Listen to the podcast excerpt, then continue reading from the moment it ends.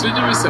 Su jumis Vytautas Nisa ir šį kartą vėl iš Italijos papunkčiui aptarsim tai, kaip gėda Lietuvai daro Žygimantas Paviljonis. Pastaruoju metu Lietuvo žiniasklaida nuvilnijo net keli e, Seimo užsienio reikalų komiteto pirmininko Žygimanto Paviljonio sukelti dideli ir maži skandalai, kurių paskutinis paviešintas pokalbis su Rusijos pranksteriais buvo ko gero pats rimčiausias. E, įvairių skandalų kėlimas jau yra tapęs tradicija Žygimanto paviljonio politinėje e, užsienio politikos formuotojo veikloje. Išsameusią to apžvalgą paskutinėje savo laidoje yra pateikęs, ko gero, Audrius Bačiulis. Mes tik tai konstatuokime, kad tai jau tradicija ir susitelkime į paskutinius pastarojo pusmečio jo sukeltus skandalus, kadangi vis dėlto augant pareigų svarbai auga ir jo veiksmų reikšmė. Šių metų vasarį Žygimantas Paviljonis niekino neįgaliotas, taigi savo iniciatyvą nuvyko į Gruziją spręsti krizės kylančios dėl opozicijos lyderio Nikos Mėlios sulaikymo. Gruzijos premjeras e, jo vizito metu išsakytus pasisakymus e, įvardijo neprimtinais, įžeidžiančiais ir nieko nereiškiančiais. Kadangi tai nebuvo oficiali valstybės pozicija, Žygimanto paviljonio pasisakymai iš tiesų nieko nereiškia. Tačiau realių pasiekmių santykiams jie be abejo turėjo ir Lietuvos prezidentas Gitanas Nausėda turėjo glaistyti dvišalius santykius. Praėjusią savaitę Žygimantas Paviljonis susitokė. Minime tai tik todėl, kad žiniasklaidoje tai buvo plačiai aptarinėjama ir aptarinėjama todėl, kad šis įvykis priimtas kaip iššaukiantis. Iššaukiančių jis priimtas todėl, kad e, Žygimantas Paviljonis tai padarė iš Seimo kanceliarijos lėšų apmokėtos komandiruotės į Vokietiją metu. Norėdamas išvengti skandalų, Žymantas Paviljonis be abejo galėjo vestuves išsikelti kitaip.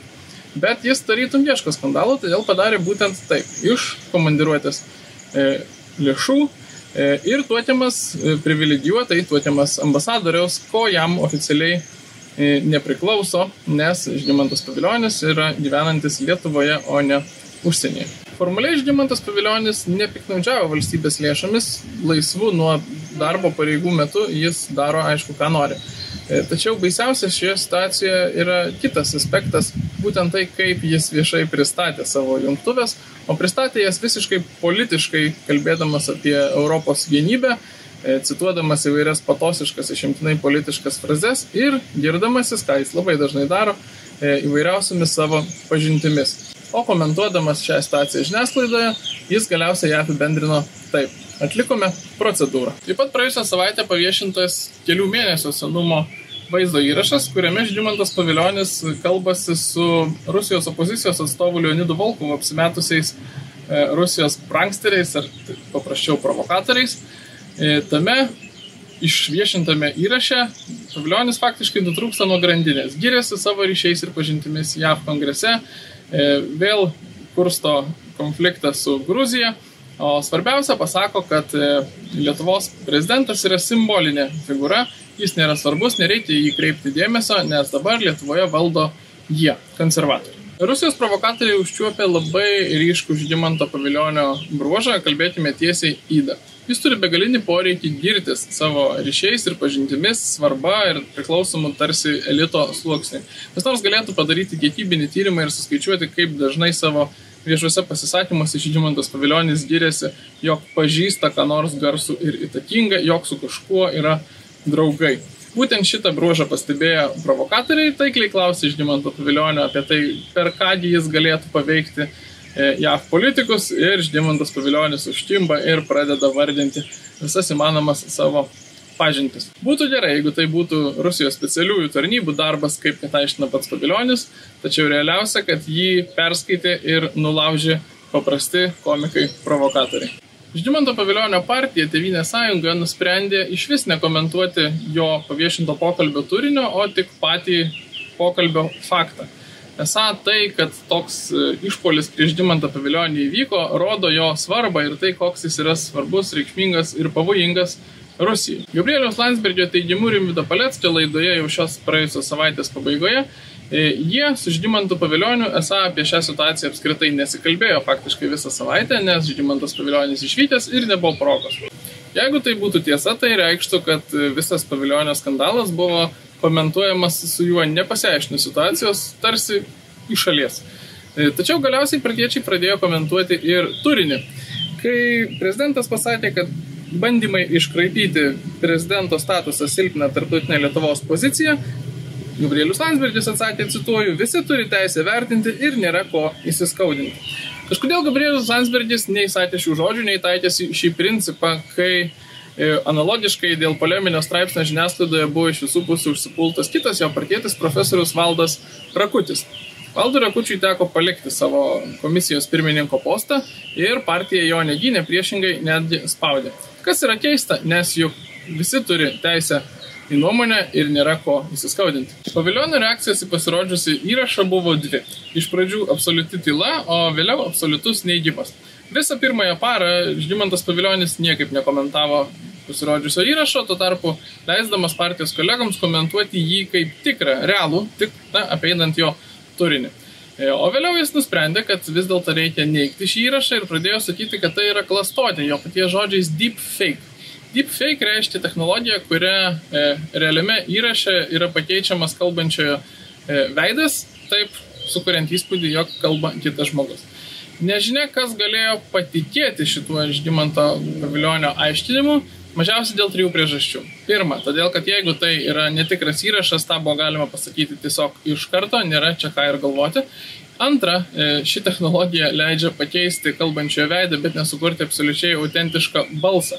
Žymantas Paviljonis gali sakyti, kad įraše e, galbūt ne jis, bet tikrai ne, kad balsas yra ne jo. Na ir galiausiai trečia, jeigu jau tai yra netikras įrašas, E, šios pozicijos reikėtų laikytis nuosekliai, griežtai ir tvirtai. Tuo tarpu tiek pats Paviljonis, tiek Tevinės sąjungos kolegos blaškosi šiuo klausimu vadina tai, tai klastotė, tai galimai klastotė, tai iš dalies klastotė, tai abejotino tikrumo įrašų ir, na, ta būtent netikrumas jaučiasi labai aiškiai jų e, komentaruose. Visiems aišku, tik nelabai jauku pasakyti, kad Žygimantas Paviljonis iš tiesų kalbėjo tame įraše, iš tiesų pažemino prezidento instituciją ir iš tiesų meluoja, iki šiol meluoja Lietuvos visuomeniai, sakydamas, kad tas įrašas netikras.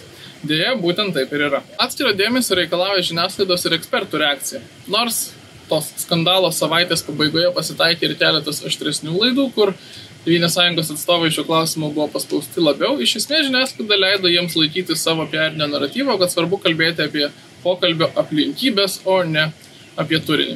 Ypatingo dėmesio reikalauja tas pamai politologo Laurino Jonavičiaus komentaras, cituoju, ar paviljonio pozicija teisinga ar neteisinga, klausimas neatsakomas. Vieniems atrodo vienaip, kitiems kitaip. Kiekvienas turime normas, kurių laikomės ir tos normos paprastai pakankamai skirtingos. Tai yra neatskiriama demokratinio proceso dalis. Žmonės turi teisę turėti nuomonę ir ją ginti, o kiti turi teisę nesutikti ir ginčytis, kol viskas vyksta pagal normalias žaidimo taisyklės, tol viskas tvarkoje. Sunku būtų rasti kitą tokį atsiribojimo ir atsisakymo vertinti situaciją. Pavyzdį ypač tokioje situacijoje, kuri vertinimas prašosi tiesiog akivaizdus. E, Vaidotas Beniušis 15 minučių redaktorius po kelių dienų pateikė būtent tą visiems akivaizdų vertinimą, cituoju, Konstitucijoje aiškiai parašyta, kad pagrindinius užsienio politikos klausimus sprendžia prezidentas. Taigi Žymantas Paviljonis tiesiog kalbėjo klaidingai. Po kelių dienų Žymantas Paviljonis vėl prisišnekėjo šį kartą LRT eteryje pasakydamas, kad Lietuvos prezidentas Gitanas Nausėda palaikė Baltarusijos režimą. Į, į ką jau ir Laurinas Janavičius nebe nutilėjo, Facebook'e komentuodamas vėl cituoju, pasakykit, kas nori Žymantui Pavilioniui, kad tyla gera byla, o kuklumas žmogų puošia. Kai kurių poelgių ir kai kurių pasisakymų net ir labai norint neįmanoma pateisinti. Iš tiesų turime konstatuoti, kad Žygimantas Paviljonis paviešintame įraše pažemino prezidento instituciją įvardindamas ją kaip simbolinę, taip pat prikalbėjo skandalingų dalykų apie JAF vidaus ir užsienio politiką ir santykius su kitomis šalimis. Taip pat Žygimantas Paviljonis pasirinko neikti, melodingai neikti e, to įrašo tikrumą ir net nesugebėjo tos savo versijos nusekliai laikytis prieš Lietuvos visuomenę. Galiausiai Tevinė sąjunga pasirinko ginti Žygimantą paviljonį bet kokią kainą net ir tokioje situacijoje. O taip pat tai reiškia, kad Tevinė sąjunga laikosi principą savo ginti bet kokioje situacijoje. Iš to suprantame, kad e, profesorius Valdas Rakutis nebuvo ir nėra savas Tevinės sąjungai. E, jo atžvilgiu šis principas niekada nebuvo taikomas. Žygimantas Paviljonis, e, komentuodamas šiuos savo pasisakymus, sakė, kad tam ir perėjo į politiką iš diplomatinės karjeros, kad galėtų kalbėti atvirai, kaip ir pridara politikui. Tačiau atvirai kalbėti nereiškia atvirai nusišnekėti. E, Lietuvos prezidentas pagal konstituciją nėra simbolinė figūra. Lietuvos prezidentas neremia Baltarusijos režimo. Tai yra fakto klaidos, atviras nusišnekėjimas, o ne atviras kalbėjimas. Ties skandalo riba laviruojančio Žygimanto paviljonio kalbos jau tampa tendencija. Savo viešais pasisakymais jis kūrė konfliktus lygioje vietoje ir daro didelę gėdą Lietuvai tarptautinėje bendruomenėje. Pačiam Žygimantui paviljoniui reikėtų stengtis mažiau girtis pažintimis ir pasimokyti tiesiog politikos pagrindų. Tevinės sąjunga akivaizdžiai parodė palaikymą Žymantui Pavilioniui šioje situacijoje ir tikrai nėra pagrindo tikėtis, kad kokiu apkaltos ar kitų kelių jis galėtų būti pašalintas iš pareigų. E, prezidentas Gitanas Nausėda turėtų siekti, kad jis bent jau būtų pakeistas kaip užsienio reikalų komiteto pirmininkas. Valdančiosioms partijoms, esant politiniai valiai, tai būtų iš tiesų paprasta. Tačiau tuo tarpu, jei niekas nepasikeis, o greičiausiai nepasikeis, galime tikėtis, kad Žygimantas Paviljonis lieka pareigose ir toliau raudonuosime dėl jo viešų pasisakymų tarptautinėje erdvėje. Ačiū visiems žiūrintiems, ačiū, kad sekate ir prenumeruojate mus YouTube kanale, ačiū, kad remiate mus Patreon platformoje, darykite tai, kas dar to nedarote, linkėjimai jums iš Italijos. Iki kitų kartų.